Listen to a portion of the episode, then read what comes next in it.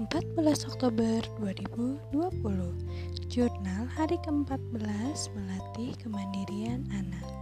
Bismillahirrohmanirrohim. Hari ini nampaknya aku berekspektasi, berekspektasi terlalu tinggi.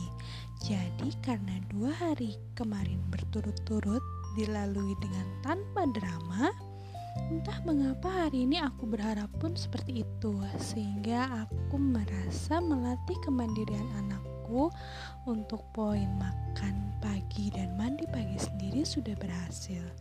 Sayangnya hari ini mengalami penurunan yang cukup drastis.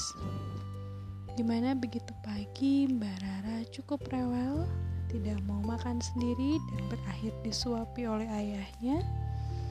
Lalu mandi paginya sangat drama dibujuk seperti apa pun sangat susah sekali apalagi menunggu kemandiriannya dia sendiri. Ya menunggu keinginannya dia mandi sendiri mungkin akan terjadi nanti siang atau pada zuhur karena tidak ada terlihat ada pergerakan sama sekali. Akhirnya aku mencoba menjalankan teori yang sudah dimiliki di zona satu kemarin yaitu komunikasi produktif. Ditanya kenapa Mbak Rara nggak mau mandi? Ditanya Mbak Rara maunya gimana? Ditanya pendapatnya seperti apa? Pokoknya ya ditanya dari sudut pandang anak. Ternyata tidak mendapatkan hasil yang cukup apa ya cukup ideal. Semua hanya dibilang karena Mbak nggak mau karena males karena nanti aja karena mau main tidak ada jawaban yang jelas. Akhirnya aku yang memang sedang sedang banyak pikiran karena banyak pekerjaan mulai mengatakan ya udah mbak Rara kalau nggak mau mandi terserah.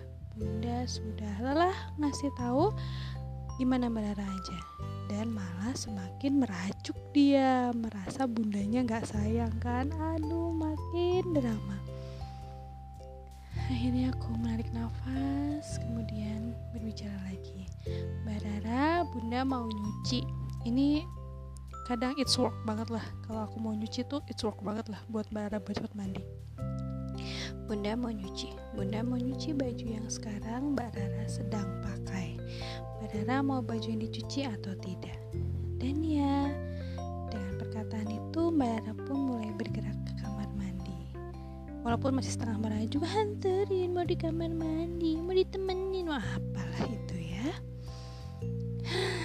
Jadi hari ini nampaknya terjadi penurunan dari kemarin yang damai-damai aja jadi penuh drama.